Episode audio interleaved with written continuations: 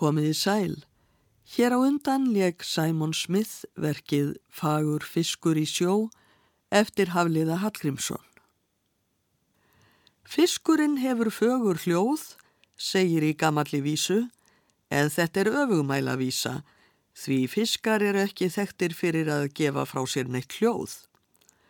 Samt hafa tónverkstundum verið helguð fiskum og nokkrar slíkar tónsmíðar verða fluttar í þessum þætti. Hvert skildi vera frægasta fiskatónverk í tónlistarsögunni? Ætlið að sé ekki þetta hérna?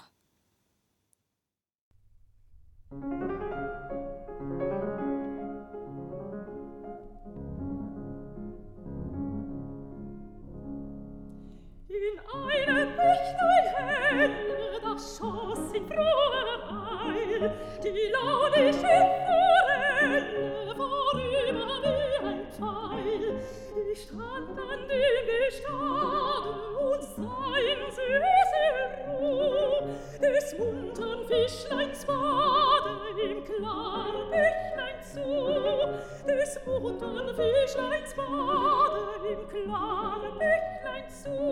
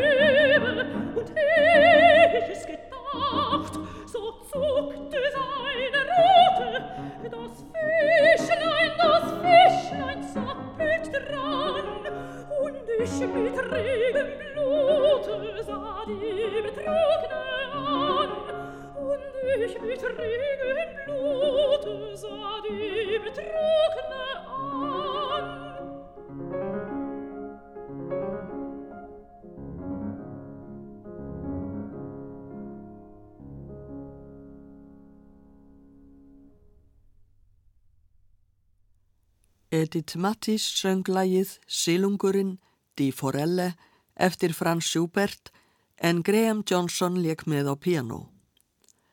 Lagið er samið við ljóð eftir skáld sem hétt næstum sama nafni og Schubert, Christian Friedrich Daniel Schubart. Skáldið lýsir í ljóðinu fjörlegum sporðaköstum silungs í tærum læk eða það fer svo að lokum að fiskimaður veiðir silungin skáldinu til hugarangurs. Í upprunalegri gerð endar ljóðið með varnaðarorðum skáldsins til stúlna. Þær skuli gæta sín að láta ekki karlmenn veiða sig eins og fiskimaðurinn veitti silungin. En þessu erindi slefti Sjúbert. Söngur hans fjallar bara um lítinn og fjörugan fisk. Sjúbert samti lagið árið 1817 og tveimur árum síðar feldan það inn í pianokvintett sem dregur nafnsitt af laginu og er kallaður Silungakvintettin. Það er fjórði þáttur verksins sem er byggður upp í kringum lagið um Silungin. Fyrst kemur stefið og svo tilbriði við það. Við hlýðum nú á þennan þátt. Það er pianoleikarin Lev Natovhenni sem leikur með Tjúrljónist kvartettinum, fjórðakabla, Andantino Allegretto, úr kvintetti Adur D667, Silungakvintettinum eftir Franz Schubert.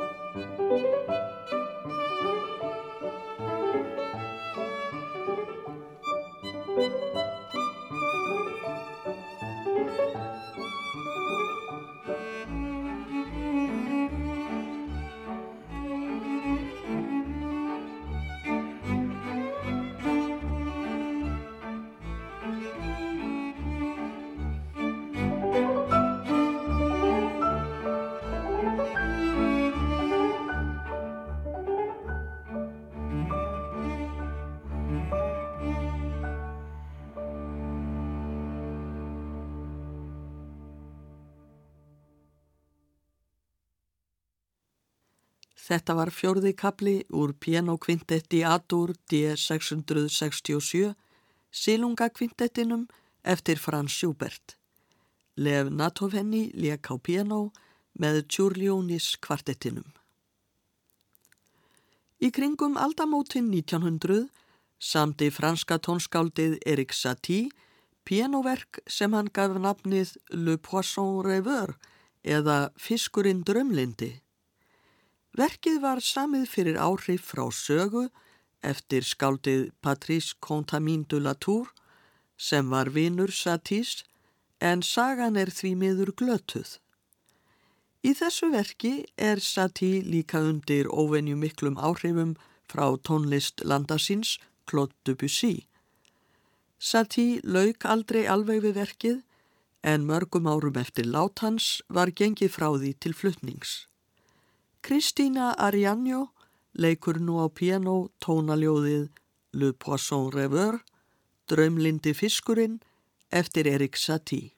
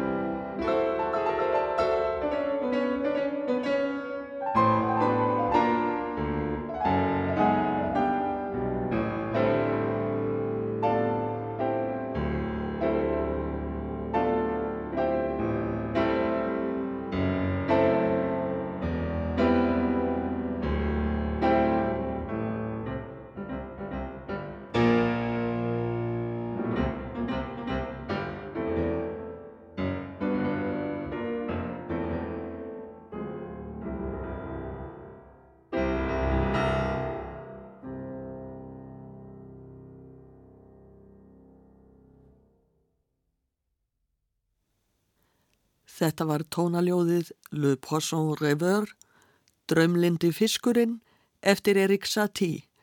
Kristína Arianjó leik á piano. Eins og áður var getið þykir þetta verk Satís bera vottum áhrif frá landa hans og vini Claude Debussy. Satie sendi Debussy verkið og árið 1903 hefur hann líklega verið farið að lengja eftir viðbröðum frá Debussy því hann skrifaði í brefi til hans hvernig er með hann Skotlands drömlinda fisk? Hefur hann bitið á öngulinn hjá þér? Ekki er vitað hverju Debussy svaraði en árið 1907 samti hann sjálfur smáverkið Poisson d'Or, gullfiskar og tónlistarfræðingar hafa bent á að í því verki komi fyrir svo litið stef úr drömlinda fiskinum, hvort sem það var meðvitað eða ómeðvitað. Við heyrum nú verkið Gullfiskar eftir Claude Debussy. Þetta er hljóðritun frá 1928 og það er Mæra Hess sem leikur.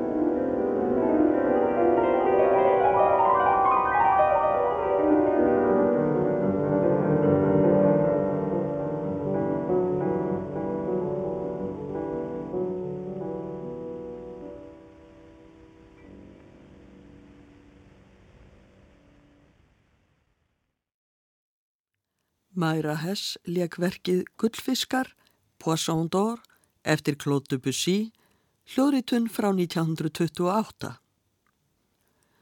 Tónskáldið Gustaf Mahler samti mörg lög við ljóð úr þýska þjóðkvæðasafninu Des Knaben Wunderhorn. Eitt þeirra heitir Des Antonius von Padua Fischpredikt, Fiskapredikun Antoniusar frá Padua. Hvæðið er byggt á helgisögn um heilagan Antonius frá Padua sem uppi var á 13. öld. Sagan segir að Antonius hafi eitt sinn verið stattur í Rímini á Ítalju en fólkið þar síndi predikunum hans fálæti. Hann hjælt þá niður að fljóti einu og fór að predika þar og það undurgerðist að stórir og smáir fiskar syndu að bakkanum til þess að hlýða á predikunans. Höfundur kvæðisins um fiskapredikun heilags Antoniusar hefur samt ekki verið sannfærður um að guðrækni fiskanna væri neitt betri en guðrækni mannana. Í kvæðinu segir Antonius kemur að kirkjunni tómri þegar hann ætlar að predika. Hann fer niður að ánni og predikar fyrir fiskana. Þeir sletta til sporðinum og glitra í sólskinninu. Vatnakarvarnir eru allir komnir og hlusta andaktugir með opin munnin Aldrei hafa fiskarnir heyrt jægt góða ræðu. Getturnar sem alltaf verið að berjast synda í flíti til Guðsmannsins. Jafnvel þorskarnir hlýða á ræðuna. Aldrei hafa fiskarnir heyrt jægt góða ræðu. Állin og styrjan sem þykja herramanns matur láta einnig svo lítið að hlýða á ræðuna. Jafnvel krabbar og skjaldbökur. Aldrei hafa fiskarnir heyrt jægt góða ræðu. Stórir og smáir fiskar svara kalli guðs og gæjast upp úr vatninu til þess að hlýða á ræðuna. Þegar ræðan er búinn, syndaðir allir burt. Getturnar eru sömu ræningjarnir og áður, áladnir jafn sörlífir. Þeim fast ræðan góð, þeir eru samir við sig. Krabbarnir ganga aftur á baka eins og áður, þorskarnir eru jafn uppveldir, vatnakarfarnir jafn gráðugir og þeir gleima ræðunni. Þeim fannst ræðan góð, þeir eru samir við sig.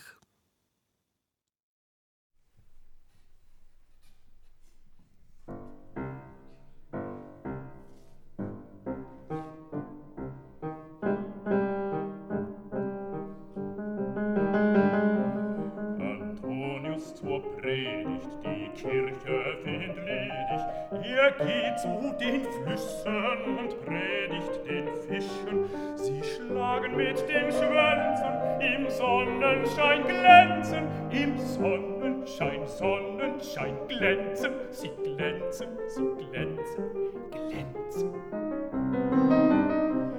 Die Karpfen mit Rogen seid all ihr erzogen, habt die Mäuler auf Riesen, sich zuhörend befließen. Thank you.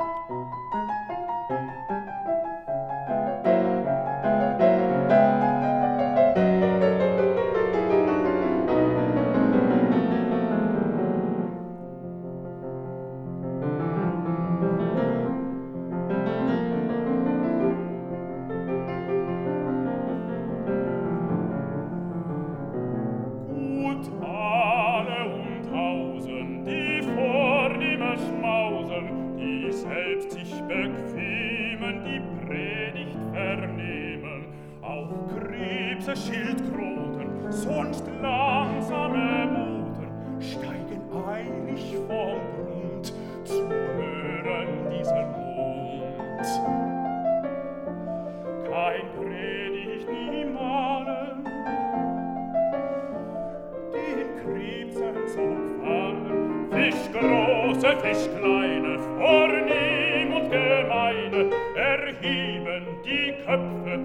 verständige Geschöpfe.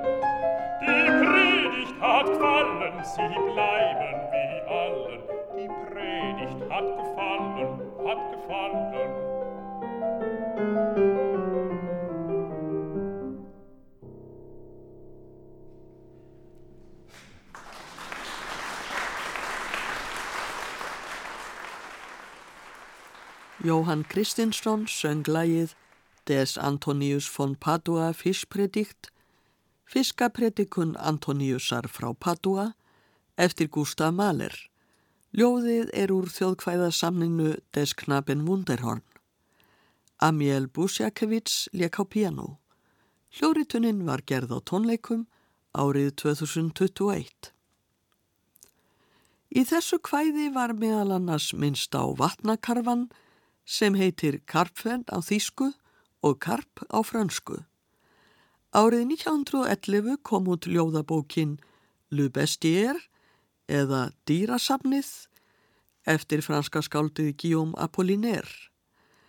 Þetta voru 30 stutt ljóð og hvert þeirra var helgað einu dýri. Vatnakarfin fekk þarna sitt ljóð sem er svohljóðandi í lauslegri þýðingu. Vatnakarfar, en hvað þið lifið lengi í tjörnum ykkar og kvíum. Ætli dauðin gleimi ykkur, fiskar þunglindisins. Lengra er ljóðið ekki, en allmörg tónskáld hafa sami lög við dýraljóð Apolliners þar á meðal þetta. Að sjálfsögðu verður lægið yfirleitt mjög stutt. Við heyrum nú þrjú mismunandi lög við ljóðið. Hið fyrsta er eftir franska tónskáldið Louis Duré, samið 1919. François Leroux syngur og Graham Johnson leikur á piano. Þá kemur lag eftir Francis Poulenc, einnig samið 1919. Hljóðritunin er frá 1945 og það er tónskáldið sjálft sem leikur á piano en Pierre Bernac syngur. Á undan lagi Poulencs er titill þess nefndur La Carpe, vatnakarfin. Loks kemur kórlag frá árinu 1944 eftir belgiska tónskáldið Jean Absil. Polifónkórin í Brussel syngur en Dunni Meunier stjórnar.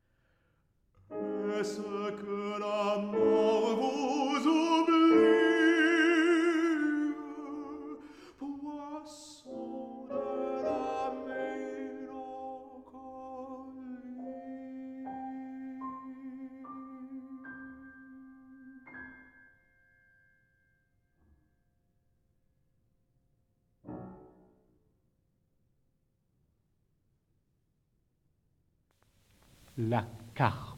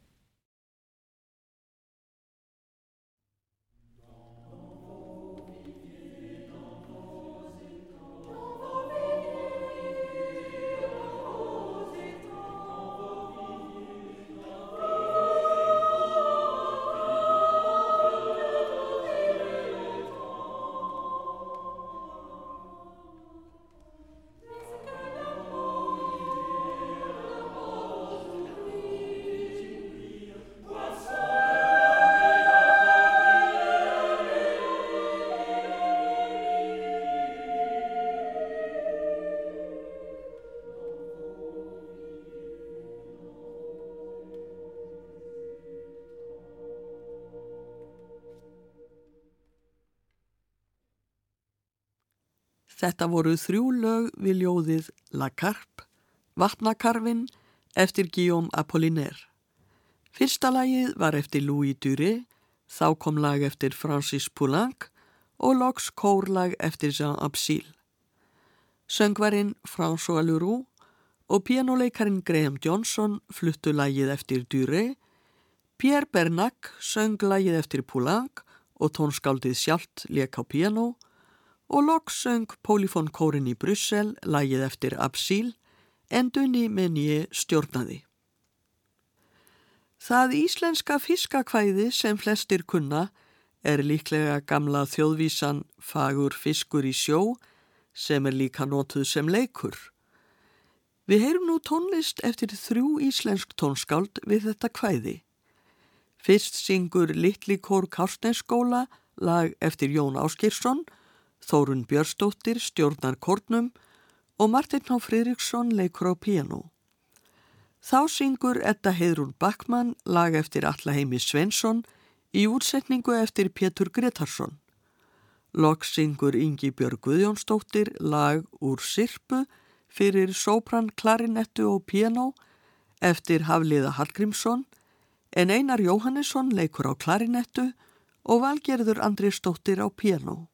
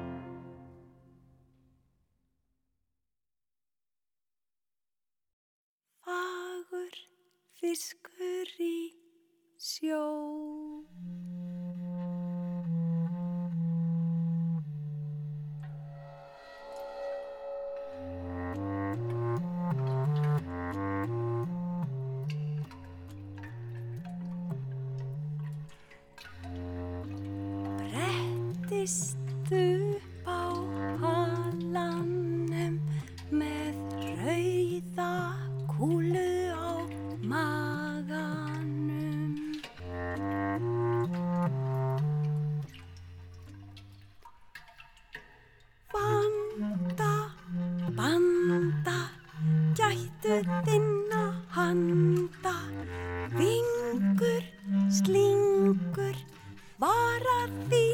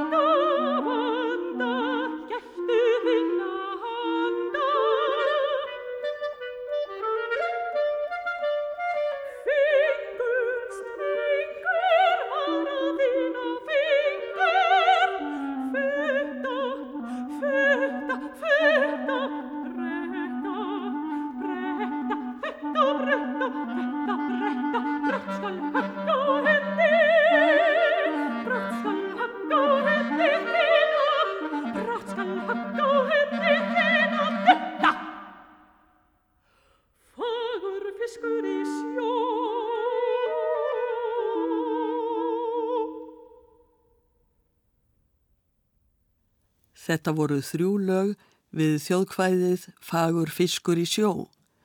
Fyrst söng Littli kór Karsneskóla lag eftir Jón Áskeirsson, Þórun Björstóttir stjórnaði kórnum og Martin H. Fridriksson leik á piano. Þá söng Edda Heidrún Backmann lag eftir Allaheimi Sveinsson í útsetningu eftir Pétur Gretarsson. Loks söng Ingi Björg Viðjónsdóttir lag úr Sirpu fyrir sópran, klarinettu og piano eftir Hafliða Hallgrímsson en Einar Jóhannesson leik á klarinettu og Valgerður Andrisdóttir á piano. Við ljúkum þessum þætti með læginu Japanst ljóð eftir Karlo Runolfsson við ljóð eftir Tómas Gumundsson. Í ljóðinu segir Því meðan æskan unir kvítum runnum og elskendurnir liljusveiga binda, leftrandi ukkum litlir fiskar synda á lítil stefnumót í djúpum unnum. Af ást og sælu litlu tálknin titra, í túnskins bjarma þang og skelljar glitra. Þórun Guðmundsdóttir syngur Japanst ljóð eftir Karlo Runolfsson. Kristinn Örd Kristinsson leikur á piano. Ég þakka hlustendum áhyrnina, verði sæl.